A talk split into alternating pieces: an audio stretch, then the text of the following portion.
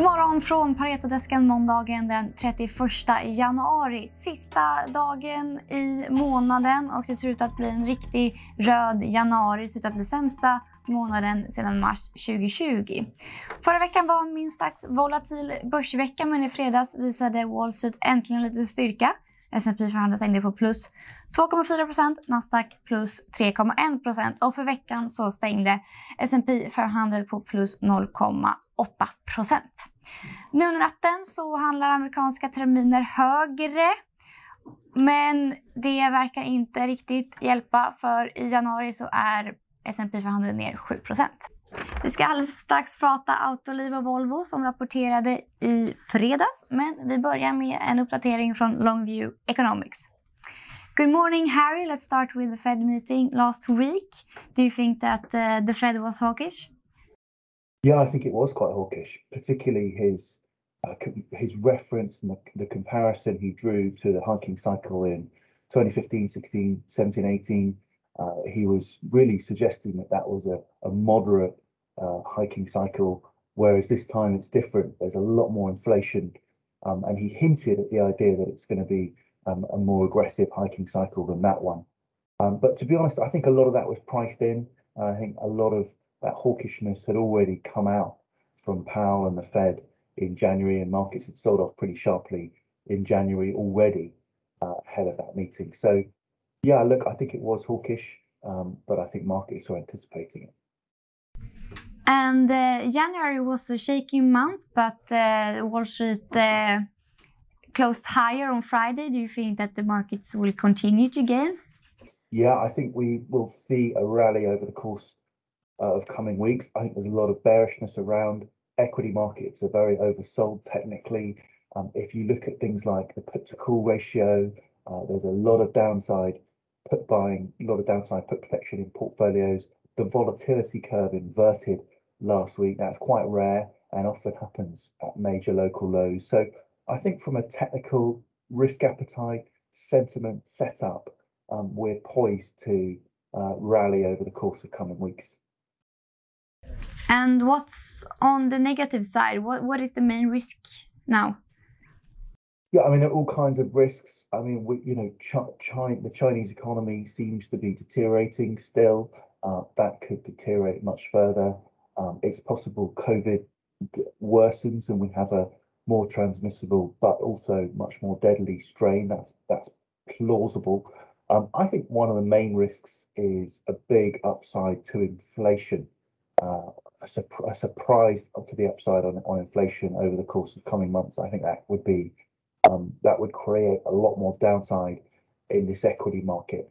Um, but look, I think our, none of that is our central case. Our central case is that we should see a relief rally in equities over the course of coming weeks. Maybe we get a, a test of last Monday's lows at some point in the next month or so.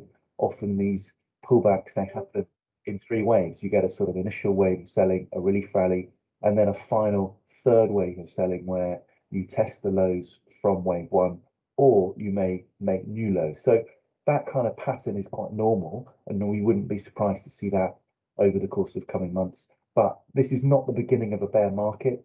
This is a pullback within an ongoing cyclical bull market in equities. Thank you, Harry. På Paretos morgonmöte har vi bland annat pratat Autoliv och Volvo som båda rapporterade i fredags. Om vi börjar med Volvo. Hur var den rapporten, Magnus?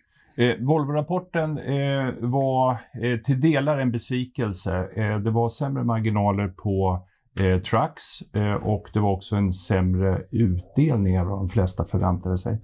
Däremot så var det så att or både orderingång för lastvagnar och eh, eh, försäljning för lastvagnar, alltså shipments, utfaktureringen av lastvagnar var bättre än förväntat. Och eh, Volvo tog en hel del kostnader. Anledningen till att det blev så här var att Volvo ville tillfredsställa kunderna eh, med eh, höga leveranser samtidigt som man hade problem att få tag på, på delar. Eh, och därför fick man väldigt stora kostnader. Eh, och, eh, om man skulle se det här i en normalsituation så är det ju faktiskt så att Volvo nu börjar växa i volym. Så att jag tror att den här situationen kan förbättra sig framöver och att det var lite av ett extremläge i det mm. fjärde kvartalet. Eh, så att eh, vi eh, fortsätter att vara positiva till Volvo-aktien. Vad kan man säga om värderingen då? Alltså, värderingen är fortfarande väldigt låg.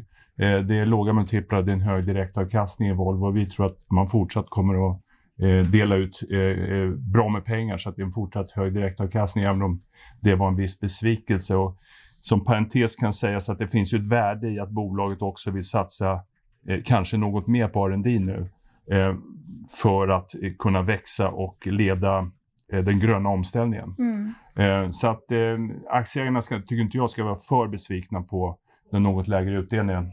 Nej, och eh, Autoliv kom ju också med rapport i fredags. Och du har ju länge varit positiv till det caset, men idag så, så vänder du lite grann. Eller du tar ner, du tycker att man ska avvakta lite där.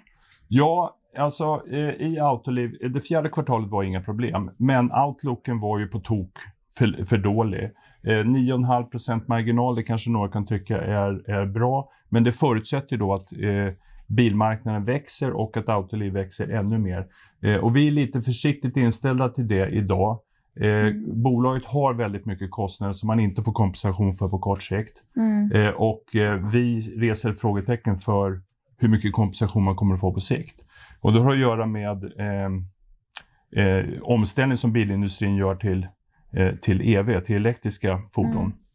Mm. där produktionen av elektriska fordon är alldeles för liten och produktionen av fossil är alldeles för stor. Och när eh, kostnaden för att tillverka en elektrisk bil börjar närma sig en fossil eh, så kommer ju konsumenten att efterfråga ännu mer elektriska bilar. Och det här kommer att bli, tror, tror vi, potentiellt ett problem eh, för biltillverkarna. Mm. Vad ska de göra med alla fossila bilar som produceras? Eh, det är alltså alldeles för stora volymer och det här kan bli ett problem eh, in om något år eller senare i år. Så vad är din åsikt allmänt om fordonsindustri just nu?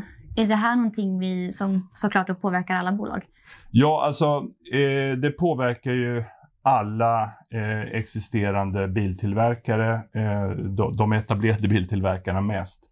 Mm. Eh, och eh, de biltillverkare som, eh, till skillnad då från Volkswagen som har kommit väldigt långt på elektriska bilar, som inte har kommit så långt, de riskerar ju Eh, eh, mest i fråga om marginal.